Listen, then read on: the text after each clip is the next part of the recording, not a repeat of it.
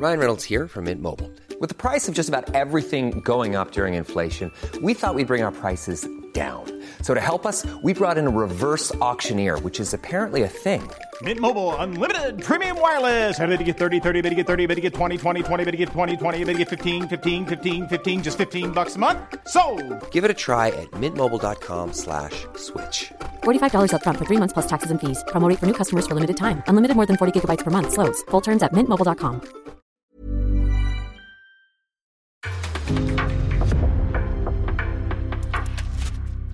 En podcast från Aftonbladet.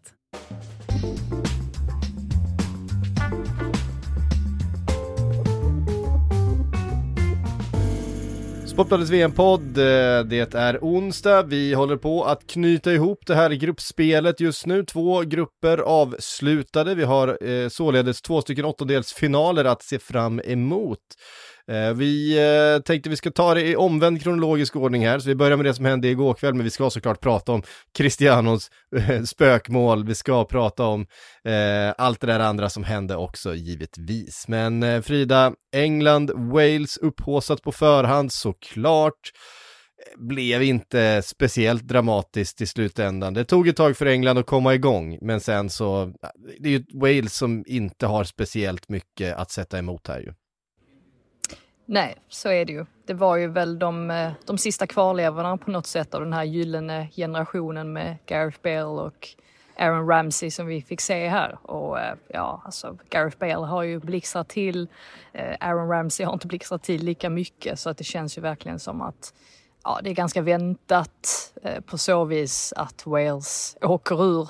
Eh, känns lite hyckleri från mig med tanke på att jag trodde att de skulle ta sig vidare från gruppen. Men Jag tror du skulle vinna är- gruppen, vill jag lägga till också. Ja, ja, men det trodde jag. Eller trodde, men jag tänkte Mm. kanske att England eventuellt skulle ja, men, åka på något poängtapp och sen så kanske möjligtvis Wales skulle vara tillräckligt motiverade för att kunna ja, men, i princip bara liksom stöka sig förbi och, och, och ta hem gruppsegern. De har varit mycket sämre än vad jag trodde att de skulle vara.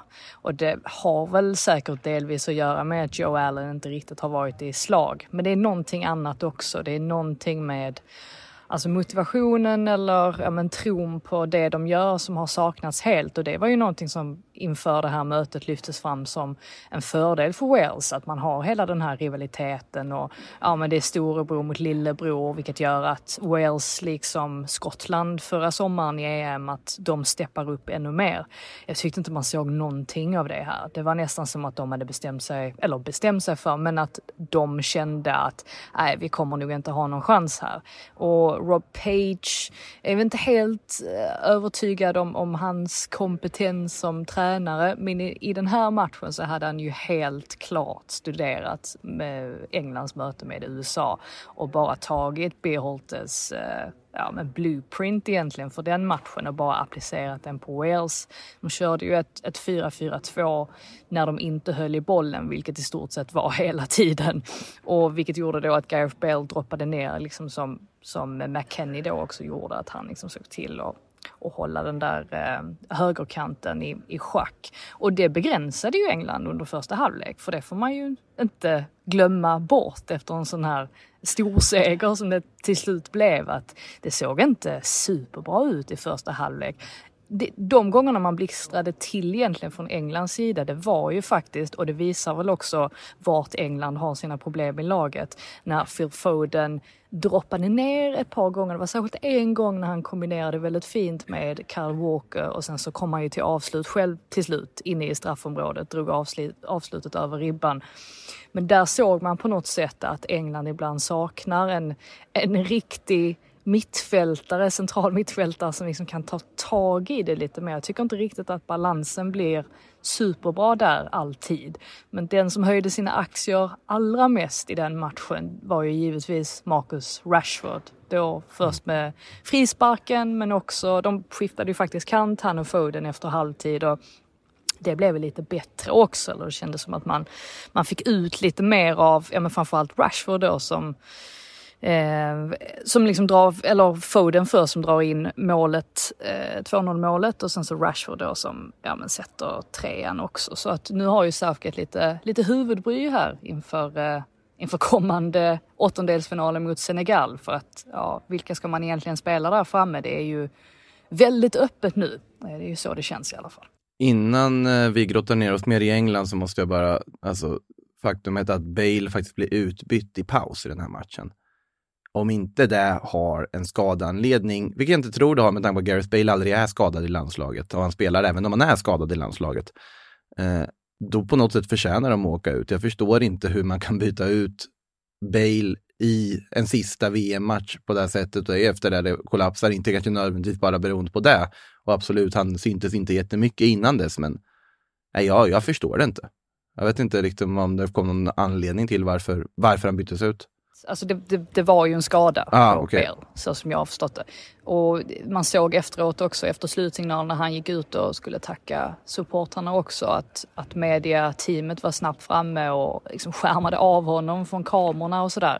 Eh, och jag stod ett tag i mixade zonen och väntade för jag tänkte att han, han kommer kanske där och eventuellt då att han kanske säger någonting men eh, jag, jag stod i alla fall förgäves eller jag gav upp och det känns som att eh, han var nog inte på humör för att, för att prata. Han har ju trots allt förberett sig eh, ja, men väldigt länge.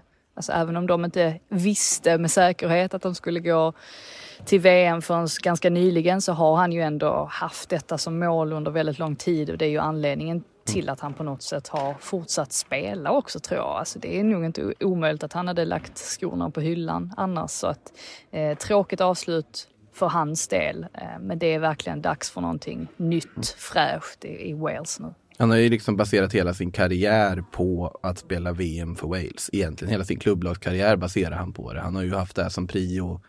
Att han då nu avslutar med att behöva utgå skadad i en landskamp blir någon sorts sorglig men symboliskt avslut på den landslagskarriären. Är väl känslan ändå. Ja, eh, helt klart. Och England nu bästa målskyttar i eh, turneringen. Man har gjort flest mål av alla lag i den här eh, VM-turneringen än så länge. Eh, Men ingen Harry Kane. och jag skulle precis komma till det, men Harry Kane är fortfarande inte i protokollet. Vad är det som händer Frida? Han var bra igen, eh, han, han hade en svag match Ja. mot USA. Eh, får man säga, men han, eh, han eh, står ju för en klassassist i, bland annat i den här matchen och, och han är ju väldigt bra. Alltså, eh, så nyttig anfallare det är. Ja, verkligen. Alltså, han länkar ju upp jättefint och han hade ju en möjlighet där, eller där Rashford faktiskt hade kunnat göra 1-0 redan i första halvlek där han skickar fram bollen väldigt fint till honom centralt i djupled. Eh, så att han, just i den rollen är han ju verkligen fantastisk. Han är ju inte bara en, en, en målskytt. Det är väl eh, Ben Davis till och med, det är hans misstag han utnyttjar där på Phil 2-0 mål, klubblagskamraterna emellan. Problemet är väl att eh, vi inte riktigt vet hur eh, Harry Kanes fotled ser ut. Alltså den ska ju enligt uppgifter vara rätt så svullen och rätt så illa illa, ja, alltså illa så tillvida att, att den i alla fall inte är helt läkt än. Och, och därför trodde man ju kanske att ja, men nu kommer Harry Kane och kommer- han vilas i den här matchen. Men det tror jag inte han vill när han står på noll mål. Jag tror att det är väldigt viktigt för honom själv att, att sätta några bollar även om det då inte blev något här heller. Sen är det ju skönt såklart att man, man sätter sig i den sitsen så att man kan byta ut honom redan efter 57 minuter för att han behövs ju verkligen igenom hela den, den här turneringen. Det är, ju, det är ju en sak som är säker. Ja, alltså man undrar ju om det är liksom Neymar svullnad på fotleden. Eller vad det, vad det är för någonting eftersom vi inte har sett någonting. För att det, det känns inte som att man är helt hundraprocentig ändå. Nej, nej, nej, det gör det inte. Och det syntes ju verkligen i mötet med USA också. Jag tyckte att det, då hade han på något sätt tappat allt det där som han är så, eh, som han är så himla bra på. Eller de hade problem snarare med att USA låg så himla välorganiserat och, och tätt. Eh, så att, eh, ja, det, det, eh, det är frågan hur, hur han egentligen mår. Men han har ju sin egen fysioterapeut på plats här i, i Qatar som han har jobbat med under väldigt lång tid. Så att de lär göra allt de kan för att han ska vara fit for fight igen på ja, söndag. Ja, alltså en annan sak som var väldigt intressant också det är ju att det här mötet som sagt det målas ju upp som ett sorts riv, alltså rivalmöte och att det ska vara mycket ja, men infekterade känslor mellan Wales och eh, England och framförallt mellan dess supportrar. Men eh, jag får ju säga det att det här var ju det, troligtvis det vänligaste derbyt jag, jag någonsin har sett om man tänker hur supportrarna uppträdde mot varandra.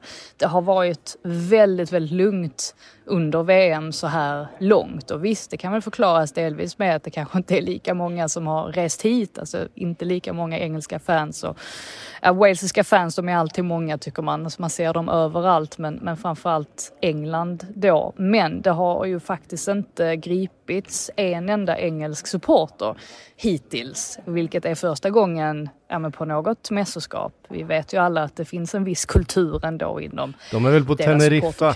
De är väl på Teneri- Teneriffa Ja, den exakt. klicken.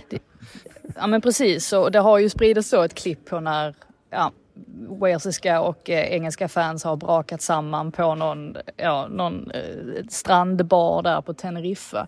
Eh, och jag pratade lite med ja, men ett gäng engelska supportrar här under gårdagen just för att fråga ja, men vad är det som är skillnaden och vi vet ju alla vad svaret delvis är och det, det har ju antagligen att göra med att folk är inte lika fulla.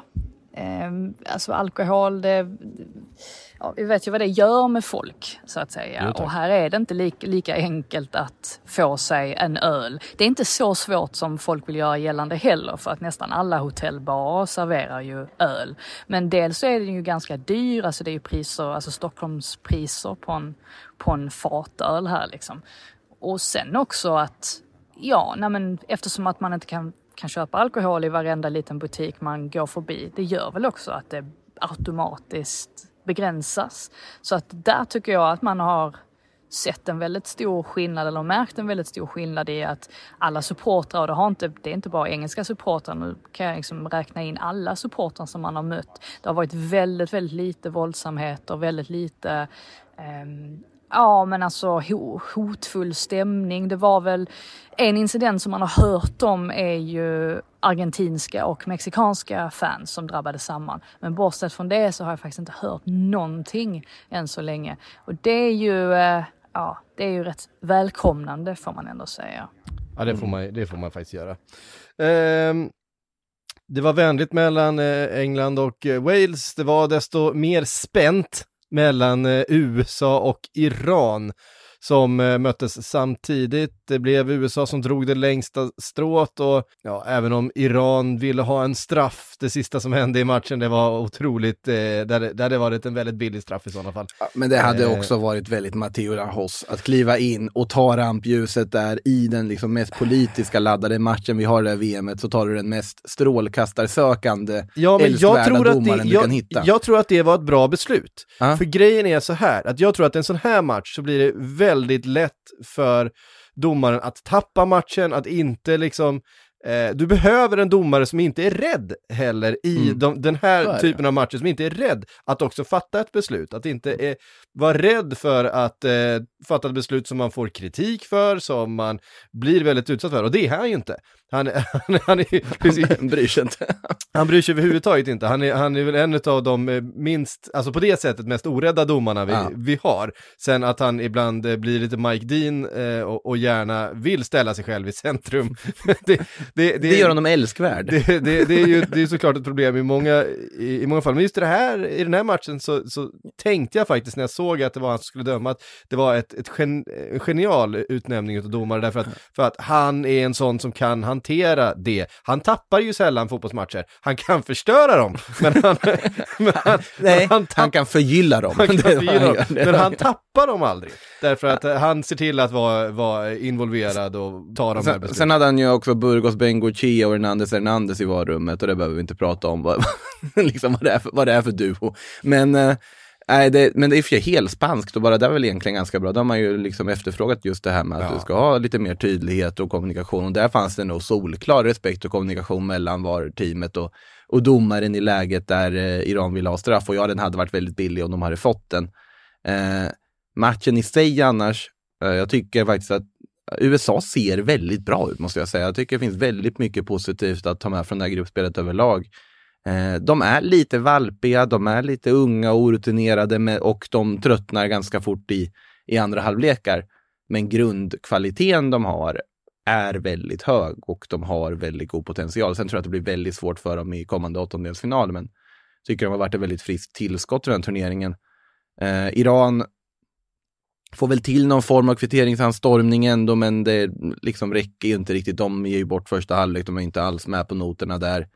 Eh, sen tyckte jag ändå det var, alltså scenerna efter, man förstår att det, det är också helt sanslöst överhuvudtaget hur de kan gå ut och spela den här matchen eh, för Irans del och det blir ju en, oavsett vad handlar det ju inte om resultatet i det här med tanke Nej. på den situation som är hem, i Iran för dem.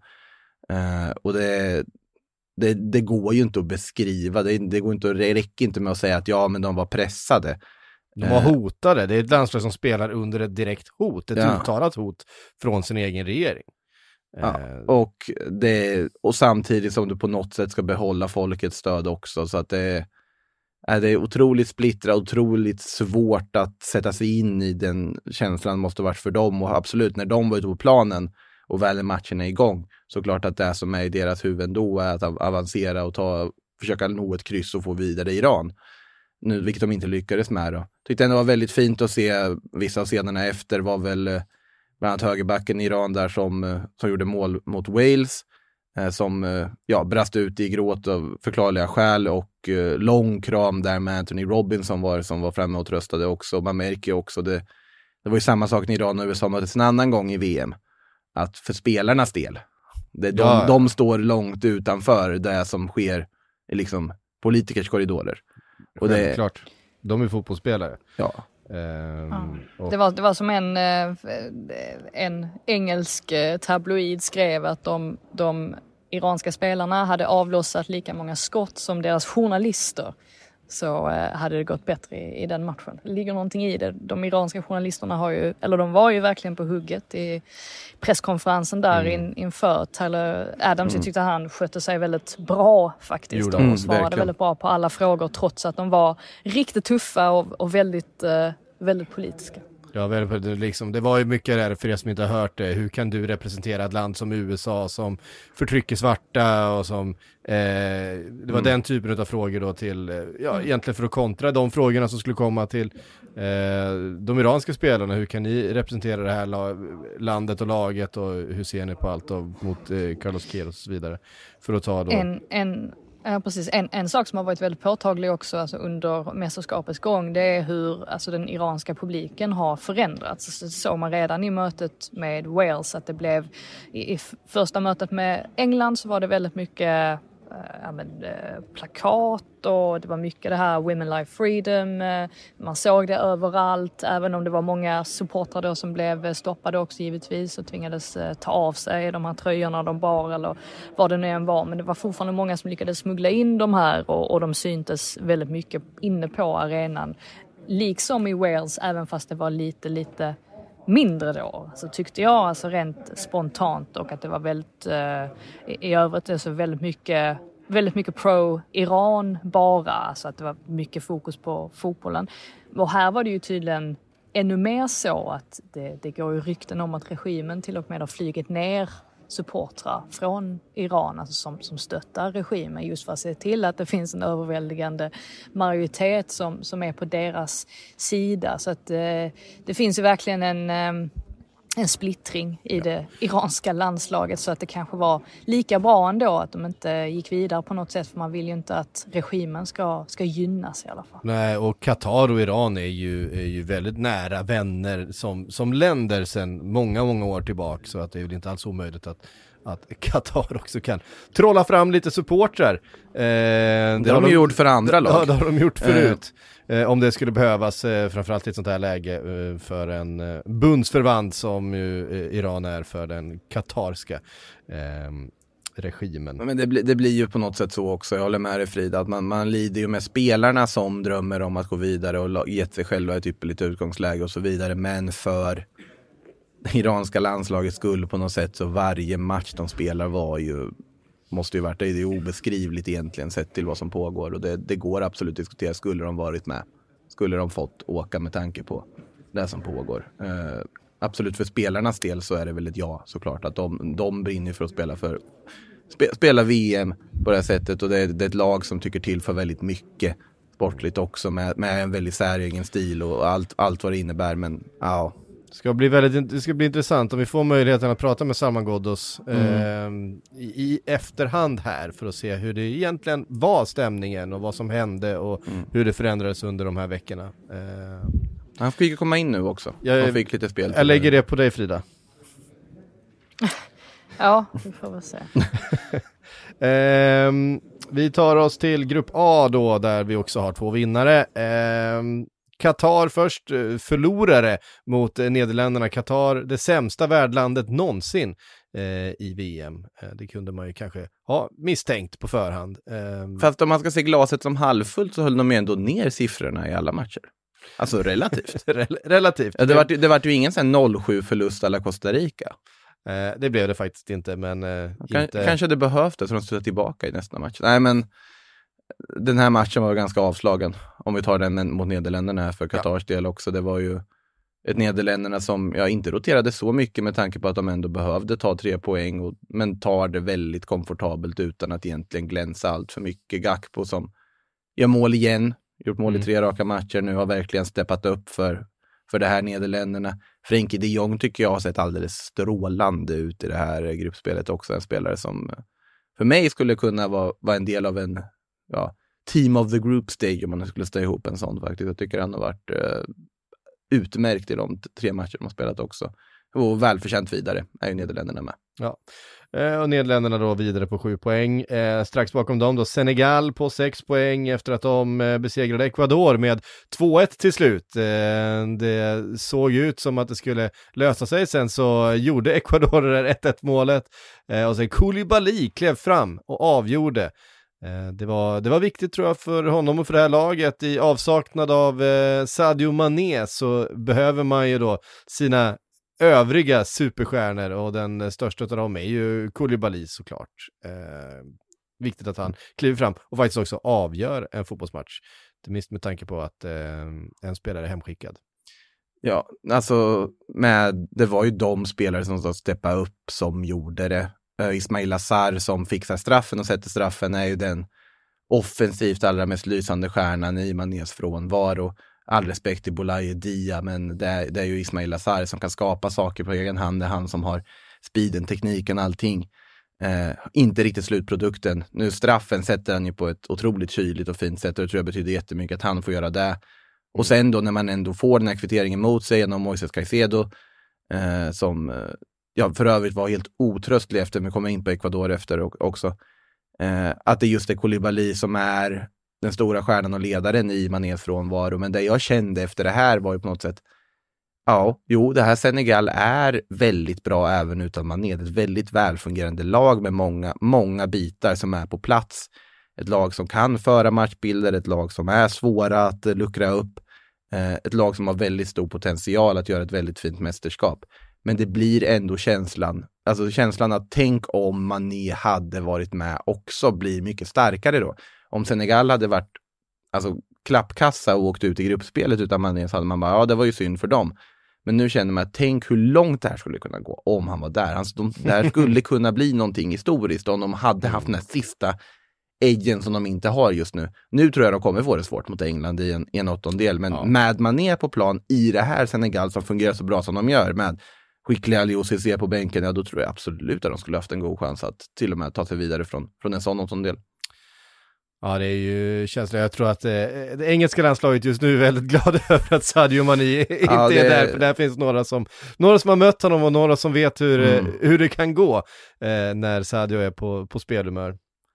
Sen eh, lider man ju med eh, Ecuador också. Tycker de gör ett superbra gruppspel egentligen. De faller igenom till viss del såklart. De, de, Senegal är ju det klart bättre laget i åtminstone den första halvleken här och de får inte till någon kvitteringsanstormning. Men de gör en supermatch mot Nederländerna. De gör en jätteövertygande match mot mot Qatar i premiären. De har Ener Valencia som på något sätt återuppstår från båren varje match. Han, han gör mål så blir skadad, kommer tillbaka. Gör mål, blir skadad, kommer tillbaka. Nu kom han inte riktigt tillbaka, han lyckades inte kliva fram, men då var det Moises Caicedo som gör det istället. Estupinian har varit strålande hela turneringen. Ett Ecuador som alltid åker ut i gruppspel, vad de än gör, men den här gången känner man också att äh, de, de förtjänade egentligen mycket mer än så. Och man förstår eh, tårarna som var efter att, eh, ja, nej, det måste varit otroligt surt för dem att, att falla på målsnöret igen. Ehm, vi eh, konstaterar då att det blir Senegal mot England på söndag och eh, på lördag då USA mot Nederländerna. Har vi några snabba tankar inför de två matcherna, Frida? Nederländerna och USA är ju ganska spännande för att alltså Nederländerna, nu har jag faktiskt inte sett dem jättemycket. Det är en, deras matcher har nästan alltid krockat med någon som jag har varit på men om jag har förstått det rätt så har de väl inte imponerat så mycket kanske som, som vissa hade trott eller att det ändå finns liksom vissa svagheter i det här nederländska laget och nu har ju liksom USA kommit in i en bra i en bra svung på något sätt också. Oroväckande i USAs fall är väl att Pulisic ser väl ut att vara skadad va? Eller att han eventuellt kanske är det och de, de kan ju verkligen inte tappa sina mest kvalitativa spelare för att då finns det inte så mycket kvar. Det var ju det man såg i mötet med England också, att de inte hade den där sista lilla kvaliteten ändå som krävs för att ja, besegra England i det, som i det fallet. Så att jag tror att det hänger väldigt mycket på huruvida Pulisic kan spela för att som sagt de är väldigt beroende av de, de toppspelarna som de faktiskt har. Ja, han, äh, firar väl segern från en sjukhus, äh, sjukhusbrits efter, för att han blev ju skickad direkt efter matchen och åkte han ju raka vägen till akuten. Det var i samband med målet va? Ja. Eh, som han eh, på något sätt skadade sig. Det måste ju vara något revben eller någonting tänker man ju direkt att det var. Ja, de spekulerade i sändning om att det kan ha varit en lårkaka. Ja, det, det... Då, ehm, alltså får man en rejäl lårkaka då, då kan du inte spela vidare. Ja, för att han spelade väl? Ja, han, han haltade runt en stund uh, och sen klev han, klev han av. Uh, ja. ja, det är oklart. Vi har inte fått någon, någon information än om vad det är som har hänt. Uh, och sen så har vi då uh, England-Senegal, Frida. Precis. Um, jag vet inte vad jag ska tro egentligen på, på ett sätt så känns det som ett motstånd som kanske passar England rätt så illa.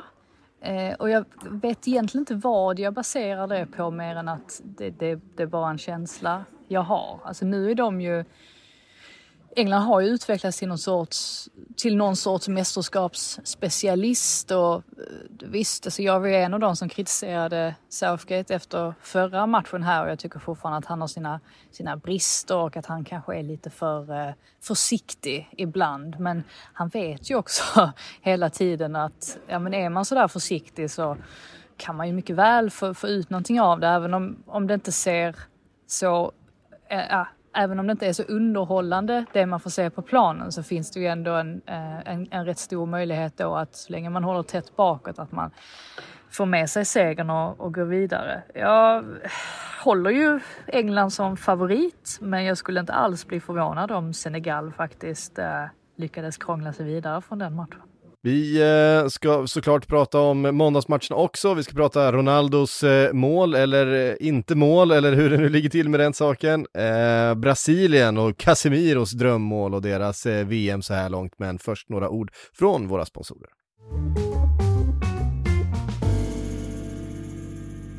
Ja, Sportbladets VM-podd är sponsrat utav Hyper.com och med i vanlig ordning har vi Steven Lee Holmdahl som rekat spel då på just hyper.com. Och nu är vi mitt i upplösningen utav eh, gruppspelet. Steven, vad, vad har du hittat för någonting?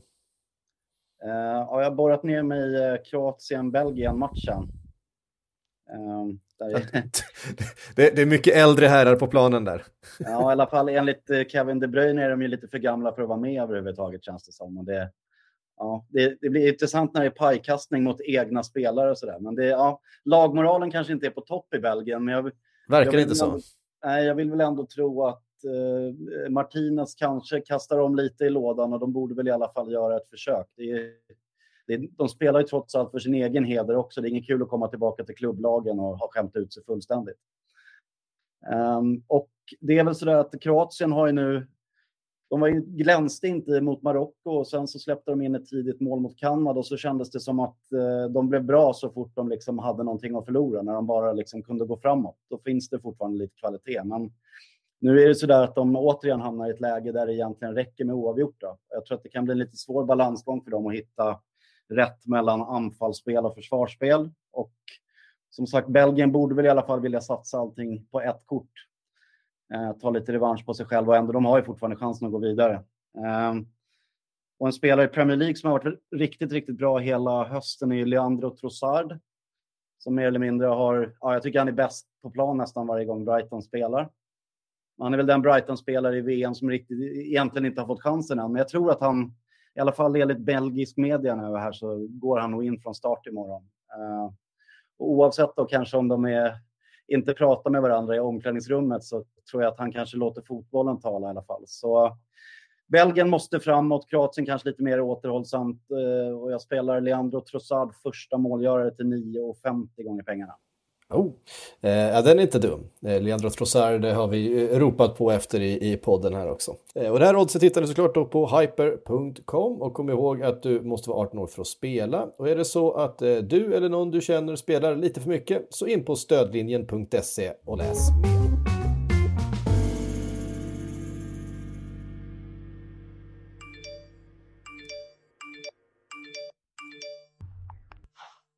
Sms kan vara jobbiga men det kan också vara ett sätt att göra skillnad.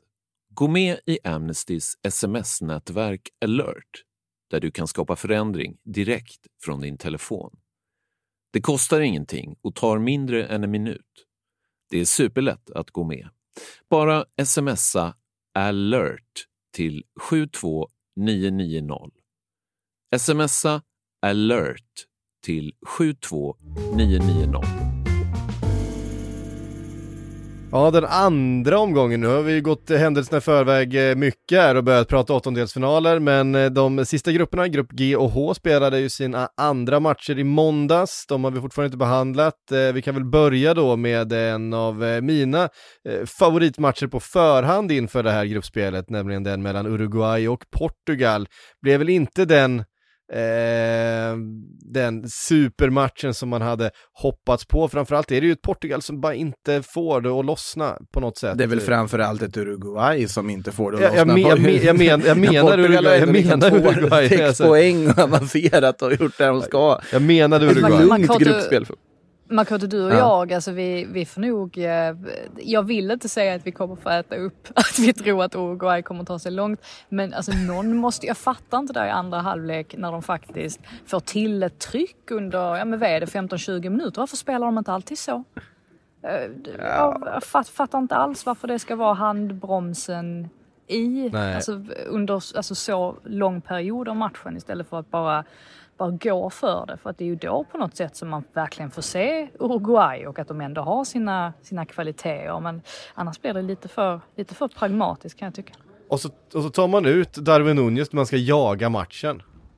Ja men han ja, var inte... Alltså, han var inte... Han var då också. ja, Pepe, ja, Pepe är 39 år och hade honom i bakfickan alltså. Det ja men han fick ju inte en, det fanns inte en enda boll att springa på. Det, alltså det är väl rätt uppenbart om du slår en boll i djupled och du får en löpduell mellan en av VMs absolut snabbaste spelare och Pepe 39 år så kommer den här unge eh, killen vinna den löpduellen men varenda gång kom det uppspelet på kropp på på Darwin och där är ju Peppe. Men Peppe har ju avväpnat eh, forwards under eh, 20 år på den högsta nivån. Det är ju inga problem för honom. Eh, jag fattar inte, de, de, de gör ingenting av det de har på något sätt. Det, det verkar ju inte vara helt eh, harmoniskt i den gruppen. Det var väl Edison Cavani som fick frågan om vad det var som saknades eh, här och, och sa väl kort och koncist fråga tränaren. Mm. Eh, det, det, indikerar ju på att det kanske inte är jättegott ställt allting i hur, hur det här fungerar. Alltså en spelare som Fede Valverde som alla vet att jag håller väldigt högt. Var, vart har han varit?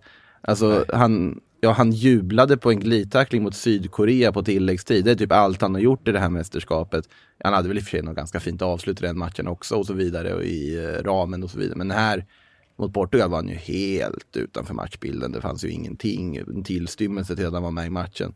Och när du har den kvaliteten du har i truppen. Det säger väl en del att Bentancourt är den som på något sätt Han var det, det enda som, positiva ja, i den här ja, matchen. Ja, och jag tycker ändå att man, kan få, man hade kunnat, jag tycker ändå att man kan få ut ännu mer av Bentancourt också. Att det ändå finns en, en ytterligare en level i honom. Alltså om han hade använts som han gör gör, som han används i Tottenham. Alltså lite mer den här, alltså att hade han verkligen är en box-till-box spelare på något sätt, då tror jag att Uruguay hade blivit ännu bättre. Det är det som är så frustrerande på något sätt, att de har ju, de har ju egentligen alla, alla komponenter som behövs för att de ska vara ett, ett bra lag. Men det är som att det är, det är liksom någonting i det taktiska som, som gör att man inte får ut så mycket, så mycket Mm. av det. Det är faktiskt Mm.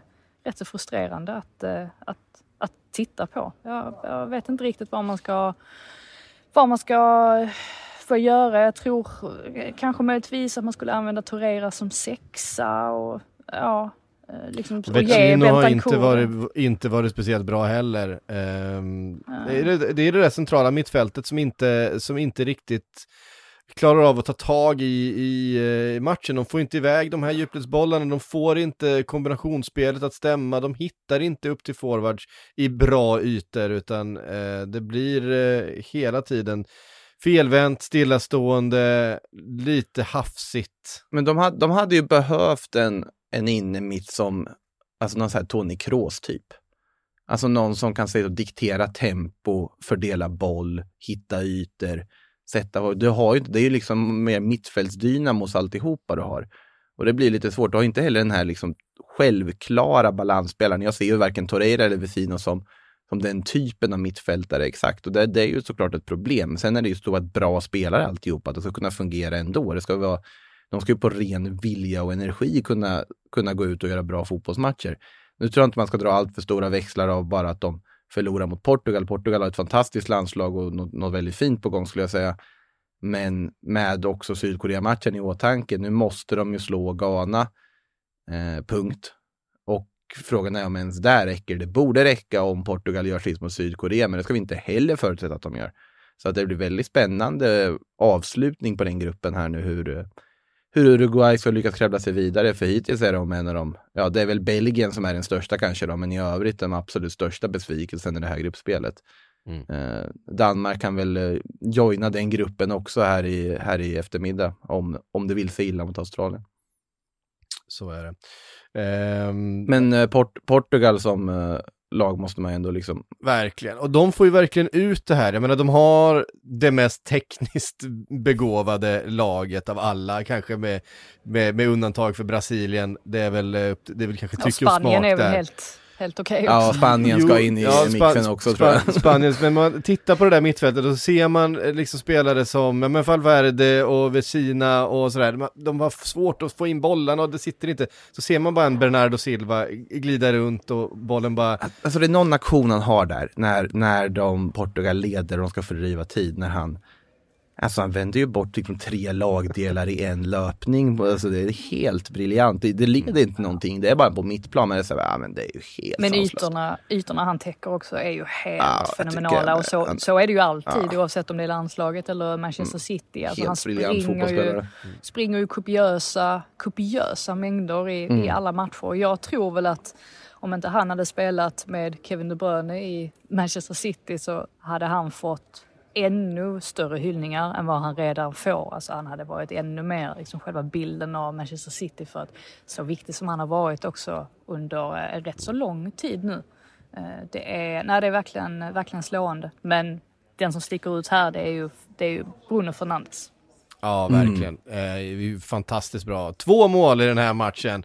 Eh, Cristiano Ronaldos stora förtret. Att, att, han, att han har mage och, och fira på det sättet och försöka claima det. För att han kan ju inte. Det är väl mycket möjligt då att han har känt det som att bollen har snuddat vid gässan. Men att man firar så kraftigt. Alltså han kan ju inte ha varit 100% säker på att han skulle få det målet. Det måste ju ha varit strategiskt. Han tänker att om jag firar tillräckligt, tillräckligt mycket så måste de ge mig det. Ja, Jag vet inte. Det säger ganska mycket om honom. sen, sen, Hade han fått målet om han hade gjort sin patenterade målgest istället? Om han hade Ah, sprungit ut och, och liksom... så. Då, då hade han kanske det. liksom tydligare fått det, för nu pekade han ändå på Bruno Fernandes väldigt tydligt och kanske bara var jätteglad. Men sen när man ser de här bilderna efter slutsignalen när han går in och tar sig för huvudet och tittar på Bruno Fernandes ungefär som att du vet att den touchar va? Då är det bara så här, men fokusera på att ni gick vidare istället, vad håller du på med? Eh, och sen, sen sen är så... också som kliver ut och, och ja, ska det, det är hävda det värsta. att det är Ronaldos mål. Ja, men, alltså, Vad tänker man som Bruno Fernandes då? Ja. Exakt. Alltså, jag, hade ju varit, jag hade ju varit jätteirriterad om... Ja, jag, jag hade gjort en Onana, jag hade åkt hem. Ja. Men har han åkt hem, Onana? Det är väl inte säkert? Ja, det, det, det finns väl rapporter på att han ska ha åkt hem. Ah, okay. Finns det ju. Men det, det, är väl, det är väl lite oklart vart han är exakt. Uh, han är i alla fall inte med i Kameruns trupp. Vi kommer väl in på den matchen sen också. Men uh, nej, alltså jag, jag, förstår. Alltså förbundet går ut, det är helt bisarrt. Sen, sen är det ju skönt då att vi ändå har den här nya teknologin med ja. då bollen som, som är en del i det här liksom semi-automatiserade offside-systemet också. Men att du hela tiden mäter vad som händer, att det finns liksom så här, hur mycket rör bollen och då är det ju mm. tydligt i de eh, där liksom data som har skickats på att Cristiano Ronaldos huvud inte rör bollen. Eh, och också så här. Piers Morgan håller inte med. Han håller inte Cristiano med Ronaldo ska då ha, ha hört Piers... av sig till sin, sin bästa kompis Piers Morgan som var ute och drog en lans för eh, Cristiano på sociala medier här. Och, men Ronaldo hörde väl inte av sig till Piers på riktigt eller? Jo. Nej, sluta. Jo, absolut. Nej. Jo, det var Piers... ett meme. Sen, var... vi, sen, sen, visade det sig att han faktiskt hade hört av sig till Piers Morgan, vilket, vilket bekräftades i amerikansk tv utav Alexi Lalas som då satt med eh, Piers Morgan, med Piers Morgan tror jag. Um, Piers Morgan har ju också tillbringat, eh, vad är det, fyra dagar på ett hotell i Qatar och hävdar nu att ingenting av det som har rapporterats från västerländsk media stämmer om migrantarbetarnas situation. För det, det, kan, han, det kan han slå fast efter ett par dagar på, på ett femstjärnigt hotell. Det är, också, det är också intressant. Nej, han ska inte ha målet och om jag var Bruno Fernandes hade jag nästan varit arg på framförallt förbundet. Alltså om de två skämtar med varandra om vem som fick målet, ja absolut, det går väl bra. Det är väl en liksom rolig grej på så vis. Det är inga konstigheter, men sluta, förbundet ska inte gå ut och, och claima att Ronaldo skulle ha haft målet. Och också så här, om du vill tangera Eusebios landslagsrekord, vill du inte göra det med ett mål som inte kommer diskuteras huruvida det var ett mål eller inte? Uh, kan jag känna. Men ja, men laget är bra. Laget är väldigt och, och, bra. Och Cristiano eh. Ronaldo har varit bra, måste jag ändå säga också. Alltså liksom på planen. Jag tycker ändå han tillför och känns farlig. Han känns ändå på gång, tycker jag, på ett annat sätt än vad vi sett honom i United-tröjan under hösten i alla fall. Eh, sen får vi väl se vad... Det, det verkar inte ha varit ett jättebra skyltfönster för honom hittills i alla fall, åtminstone mot de europeiska klubbarna om man ska tro. Det som basunerades ut i Marca här under, under dagen. Om att Al Nasser ska vara i princip överens med Ronaldo med flytt till Saudi. Med väldigt mycket pengar illa. Eh, extremt mycket pengar, ja. Alltså det är ju, det är ju en flytt bort från rampljuset. Det är en flytt bort från eh, relevans. Eh, när man flyttar till Saudiarabien som, eh, som Cristiano Ronaldo så är det ju bara, eh, då, det innebär att vi kommer sluta prata om honom. Ja. Eh, och det är väl kanske på tiden. Jag kommer väl i och för sig tro att han gör det förrän jag, alltså jag kommer inte tro på det förrän jag ser det, för det känns inte som att han vill det, men jag, jag kan ha helt fel. Mm.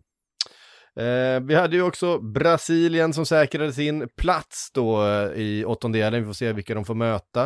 Eh, det vet vi först fredag kväll.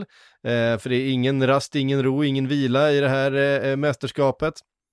Eh, Brasilien som eh, satt eh, hyfsat långt inne för, men sen klev han fram. Eh, Casemiro med ett, eh, ett riktigt vackert mål. Med en kasse. Mm. En, en, en kasse. kasse från kassen. ja. Vill att du ska kliva in här och prata Casemiro, Makoto. Jag vet att du vill.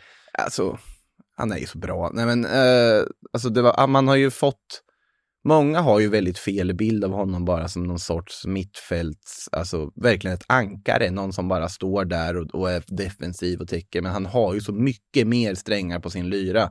Och det är inte första gången man ser honom dra till ett avslut som är liksom gudomligt bra att gå in. Nu hade han viss hjälp med avslutet här ska ju sägas. Den styrdes ju på en schweizisk bak och in i mål. Men eh, nej, han har ju offensiva kvaliteter. Han har det där skottet, han har spelsinnet och här också, det är såklart då Vinicius till Rodrigo som har kommit in till Casemiro. De känner ju varandra ganska bra, den trion. Även om Casemiro inte spelar tillsammans med dem i klubblaget något mer. Eh, och ja, de, Brasilien får tre poängar de behöver utan att egentligen glimra jättemycket i den här matchen. Vinicius är väl den som skapar mest för Brasilien, tycker jag, axlar, axlar ansvaret i Neymars frånvaro på ett alldeles utmärkt sätt och är konstant hot mot det här schweiziska försvaret. Och hade ju en boll i nät också, även om den vinkades av. eh, för offside i upprinnelsen till målet. Så Sen, att, eh, sen, sen vill man ju slå en, la, slå en lans, dra en lans för Bunu Guimarães också som kommer in och det är ju han på något sätt som frigör Casemiro och gör att han kan ta klivet upp på ett lite annat sätt. Och jag tycker ju att alltså Guimaraes, att han är en av Ja, men den här säsongen har han ju varit alltså, utan tvekan en av världens absolut bästa spelare. Så att, att han eh, ska få mer, mer speltid i Brasilien, det, det tycker jag absolut. Jag tycker faktiskt att han visar det här också, vad, vad för typ av kvaliteter som han faktiskt kan bidra med. Ja, vi fick eh, byta studio lite hastigt här. Vår eh, studiotid tog slut eh, vi tackar SL för att vi inte kom i igång i tid. Så är det bara. Det gör att vi har tappat Frida, men vi ska i alla fall försöka säga någonting om de ytterligare två matcherna som vi inte hann med då, Makoto. Vi hade Kamerun-Serbien, ett målkalas och sen ett ytterligare målkalas mellan Sydkorea och Ghana.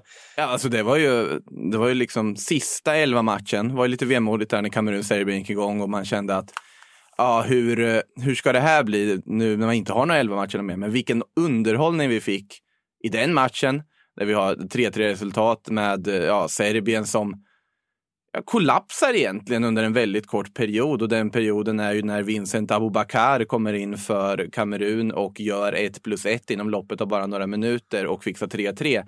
Jättemissräkning för Serbien som nu är pressade och piskade att vinna mot Schweiz. Ett Serbien som dessutom uppges ha vissa interna bekymmer i laget också av diverse anledningar. Så vi får se hur det ska gå för dem. Och på tal om interna bekymmer i laget så hade ju Kamerun där inför matchen när André Onana blev, ja, frågan om han blivit hemskickad eller åkte hem.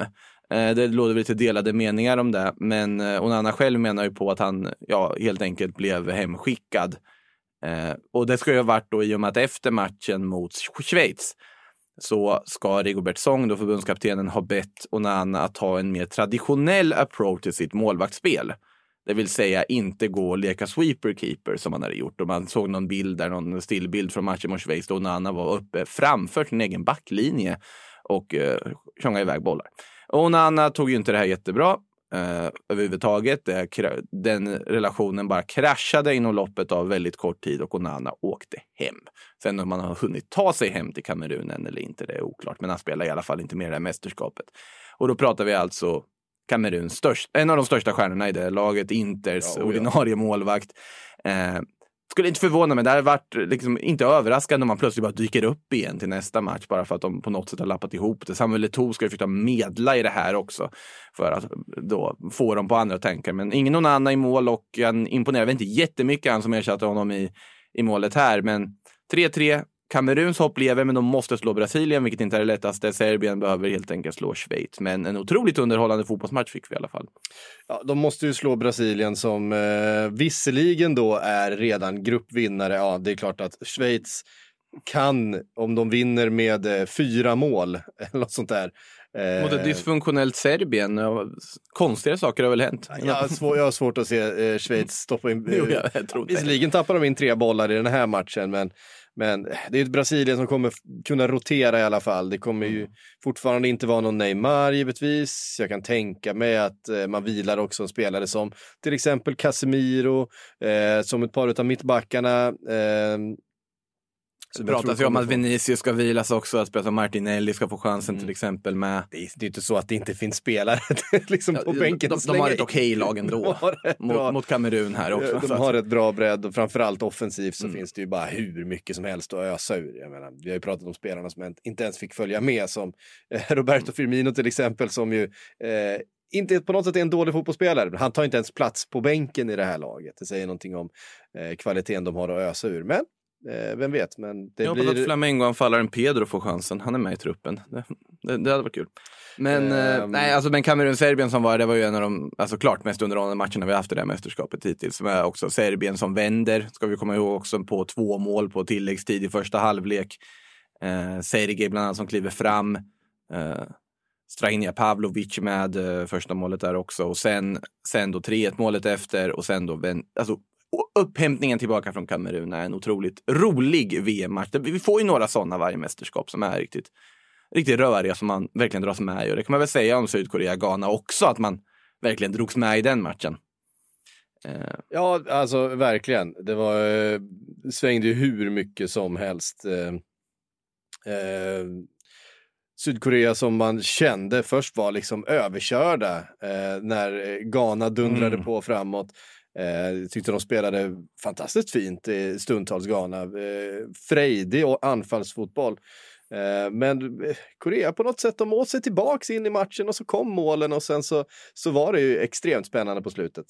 Ja, eh, Mohamed Kudus är väl jag kan nämna i Ghana, en spelare som jag kopplas till ditt kära Liverpool också här nu i samband med, med det han har gjort under mästerskapet. Har väl kopplats samman med dem innan med ska väl sägas, men eh, gör två mål här, tycker är en av de, de unga spelare som verkligen tagit chansen i det här mästerskapet och visa upp sig. Jag tycker han är otroligt mångsidig, nyttig, teknisk. Han har det mesta Kudus och bara 22 år gammal och visar att han kan hantera den största scenen också. Ja. Eh, strålande stor matchvinnare här med både 2-0 målet och det som då senare blev ett 3-2 matchavgörande 3-2 mål. Eh, för Sydkoreas del, alltså jag tycker de gör två, det, ja, som sagt, Ghana är klart bättre i den här matchen överlag totalt sett. Men jag tycker ändå att ja, sättet de tog sig an Uruguay-matchen, sättet de ändå kommer tillbaka i den här matchen, man lider lite med dem att de inte har med sig mer än vad de har fått. Eh, superdrag ändå måste man ju säga av Bento att ta in Gue Sung Cho på topp istället för eh, Huang Uijo. Det var ändå lite överraskande att man gjorde det inför tyckte jag. Och eh, ja, han som kom in istället tackar för förtroendet med att göra ja, både ett och två mål eh, i sin VM-debut. Det var ganska häftigt att se. Eh, det dock som är stora diskussioner, det som var snacket efter var ju såklart att eh, domare Anthony Taylor eh, blåste av matchen vid en, i den elfte tilläggsminuten. Och det kan man ju tänka att ja, men då fick de ju jättemycket tid på sig att hitta en kvittering. Ja, för det var ju bara tio tillagda minuter. Absolut, men det var också fyra av dem som, som liksom spenderades på att folk hade ont eller kramp eller bollen var ur spel. Och anledningen man reagerar på det här var väl så, såklart att Sydkorea går i anfall, slår ett, tar något så här chansskott som går i ghanansk rygg och ut i hörna. Då blåser Taylor innan hörnan slås. Och eh, förbundskaptenen i Sydkorea, Bento, tappar det fullkomligt, går ut och drar ett rött och fortsätter skrika också på domaren. Och jag förstår honom. Och det, vi, som sagt, nu tappade vi bort Frida här, för jag vet att vi, vi tyckte lite olika om det här inför när vi pratade också. Men jag, är på, jag är på team Frida här kan jag ju säga. Ja, men jag, tycker- jag tycker så här, om du, om du är i ett läge där du, du är så petig med tilläggsminuterna, att varje tilläggsminut ska räknas, de lägger till tio minuter från början. Då ska det banne mig vara så att du lägger till för tiden som är efter också. Sen, sen absolut, han gör inget fel. Han gör inget fel, Taylor. Men att då blåsa i det läget, precis vid en hörna. Man hade ju blivit galen om det var ens egen hörna liksom, och laget man håller på. Det förstår jag. Jag förstår ju eh, Paolo Bentos reaktion, absolut. Samtidigt tycker jag inte att Anthony Taylor ska hängas för att han blåser av matchen 11 minuter efter fulltid. Eh, när det redan har lagt till enormt mycket tid. Har lagt till 10 Och minuter. sen, och sen absolut, han, kan, han måste ju ha tänkt att det var ju tydligt att sydkoreanerna letade efter hörnan. Att man drog det lite lugnt, såg hur ska Och vi de slå den fick här bollen? ett anfall innan det. De fick möjligheten att anfalla trots att tiden hade passerat och han egentligen ville blåsa av. Så de fick en möjlighet att anfalla och som då rinner ut i den här hörnan och då där fick det liksom på något sätt räcka. Men det var ju inte, det var inte den hörnan som Nej. avgjorde den här matchen. sen- sen ska eh, sägas att- Det var ju deras första halvlek framförallt. Men sen ska de ha cred tycker jag för att det är sällan jag sett en så tydlig kvitteringsanstormning som de hade. Alltså så där ska du jaga en kvittering. Att bara pumpa in inlägg i det där straffområdet som de gjorde. Och Sydkorea kom ju upp i, jag vet inte exakt vad det var, men runt 35-36 inlägg i den här matchen. 15 av dem hittade rätt adress, eh, ska sägas. Och det är, om man ska tro då den statistik jag har sett, så är det VM-rekord. Det har aldrig något lag i en VM-match som har slagit så många inlägg till rätt adress som Sydkorea i den här matchen. Och det gav ingenting för att de fick noll poäng. Ja, ja, precis. De hade 22 avslut i den här matchen. Men oj vad underhållande och dramatiskt det var när de faktiskt fick till den här anstormningen och verkligen liksom belägrade sig runt det ghananska straffområdet. Och nu, ja de måste vinna mot eh, Portugal. De måste hoppas på att Uruguay hjälper dem till viss del också i och med att Ghana nu har tre poäng eh, med sig in till fortsättningen. Jättespännande uppgörelse i den här gruppen skulle jag säga. Ja, det är det verkligen. Det, det är ju den eh, eh, kanske mest spännande gruppen kan jag tycka inför eh, Det, upplösningen. det är fyra lag som alla skulle förtjäna att gå vidare. Alltså tycker jag i, i kvalitetsmässigt. Ja, eh, och rent prestationsmässigt så är Uruguay de som har underpresterat mest. Alltså, Uruguay är de som förtjänar att åka ut. det är de som gjort. förtjänar att åka ut så här långt. Men de vet, vi vet ju att där kan det ju blixtra till. Där kan det ju hända någonting. Mm, det Eh, måste hända någonting. Ja, Det måste men hända måste det verkligen göra. För de kan inte åka hem med det här spelet hem till Uruguay. Då blir de hängda alltså. Det är ett litet land, det är ett litet, de har små resurser, de har en liten spelarpool att, att plocka ur. Men med de spelarna man har så, måste, Man- man så, så blir- förväntar man sig helt andra. Jag menar, det är ju flera på den här redaktionen som har tippat dem i final. Ja, flera. Det finns två personer som tippat dem du- längre du än. Frida. Vi som, vi som ska kunna någonting.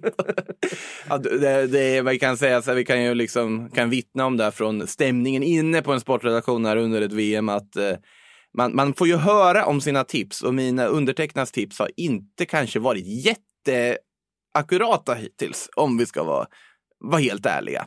Eh, så att eh, det, ser, det ser jobbigt ut. Det, det, diverse in, interna VM-tips och dylikt. Och mitt VM-11-lag får ni inte ens leta upp kan jag säga. Nej, Nej, det är- Ja, inte mitt heller, det går inget bra i något av det här. Jag, man får ju också chansa, samtidigt som man får chansa på vilka det är som kommer överprestera och vilka som kommer skrälla, för då måste man ju sätta så, så måste man ju också chansa lite på vilka är det som kommer underprestera. Eh, mina två lag som jag chansade på skulle inte komma upp i nivå som skulle underprestera, det var ju Portugal och Frankrike. Grattis. Eh, det, det har man ju fått äta upp eh, direkt. Jag har ju alltså i mitt sånt där VM-tips inte ens Portugal vidare från den här gruppen. Och det är de ju redan klara för efter två matcher eh, och utan några som helst bekymmer egentligen. mi- Mitt problem är att du kommer nog få vidare de flesta som man har tippat överlag. Alltså vissa fel har man ju såklart, men att de går vidare på sätt som man inte har tippat, vilket gör att man har typ fel resultat på varenda match, men i slutändan på något sätt samma samma slutresultat av det alltihopa. Så att, äh, vi får se, det är långt kvar det här mästerskapet och det är svårt att veta fortfarande. I alla fall känns guldtipset ändå relativt det finns ingen anledning att revidera det än med tanke på vad Brasilien, har gjort. Nej, nej, det gör det inte. Ja, mitt guldtips, Argentina har lite mer att Det, visa. det finns lite mer att revidera där. Det finns eh, lite mer, ja, men fan det är tidigt än. Man, det, de, kan, de, det kan ju vara kört ikväll. det kan vara kört ikväll, det kan också eh, liksom lossna ikväll för det här laget. Jag menar, det, det är fortfarande ett väldigt, väldigt bra fotbollslag. Det inte- ska bli så otroligt kul, det, uppgörelsen i den gruppen tycker jag Ja, också. det är väldigt mycket på spel under dagen här idag, alltså i eh, eftermiddags och kvällsmatcherna. Mexiko- Danmark ligger, ligger i Jag, lite jag, skrynkligt jag till. sa det, alltså. jag tror att de, eh, de kan ryka. De kan mycket väl ryka i den här matchen. Eh, Idiotiskt att säga såna här saker nu när folk lyssnar, Ja, jag sa- eventuellt med facit sa- i hand. Jo, jag vet, men jag, ja, men jag, har, jag har så mycket, liksom, det finns ingen skam i kroppen, eller på att säga. Eh, men alltså, jag, jag satt ju här och sa att Costa Rica skulle slå Japan också, men då vill jag anti-jinxa igen. Det gick ju jättebra, så att vi får se vad, vad det ger för effekt den här gången om man ska tro att vad man sitter och säger i en poddstudio har någon form av effekt på det som händer på en fotbollsplan. Men det gör vi alla fotbollssupportrar. Så är det. Eh, vi knyter ihop härifrån den här onsdagen. Vi är tillbaka på fredag igen. Då ska vi följa upp allt det som har hänt eh, idag och imorgon och så blicka framåt mot helgen då vi sätter igång då med åttondelsfinalerna. Eh, sen under nästa vecka så är vi tillbaks på måndag igen och så ska vi försöka knyta ihop åttondelsfinalerna på onsdagen. Ta en liten andningspaus och sen är vi tillbaks till helgen efter det igen. Men det, det, Ge oss en dag innan åttondelsfinal. Jag kan tycka att det ska finnas en dag Ja, ledig. det, börjar bli, det börjar bli lite mastigt nu. Men eh, vi, vi krigar på, vi krigar på, för helvete. Ehm, tusen tack alla ni som har lyssnat. Tack Frida som vi fick tacka av här lite tidigare. Tack, på Frida. Eh, som sagt, vi är tillbaka om ett par dagar igen.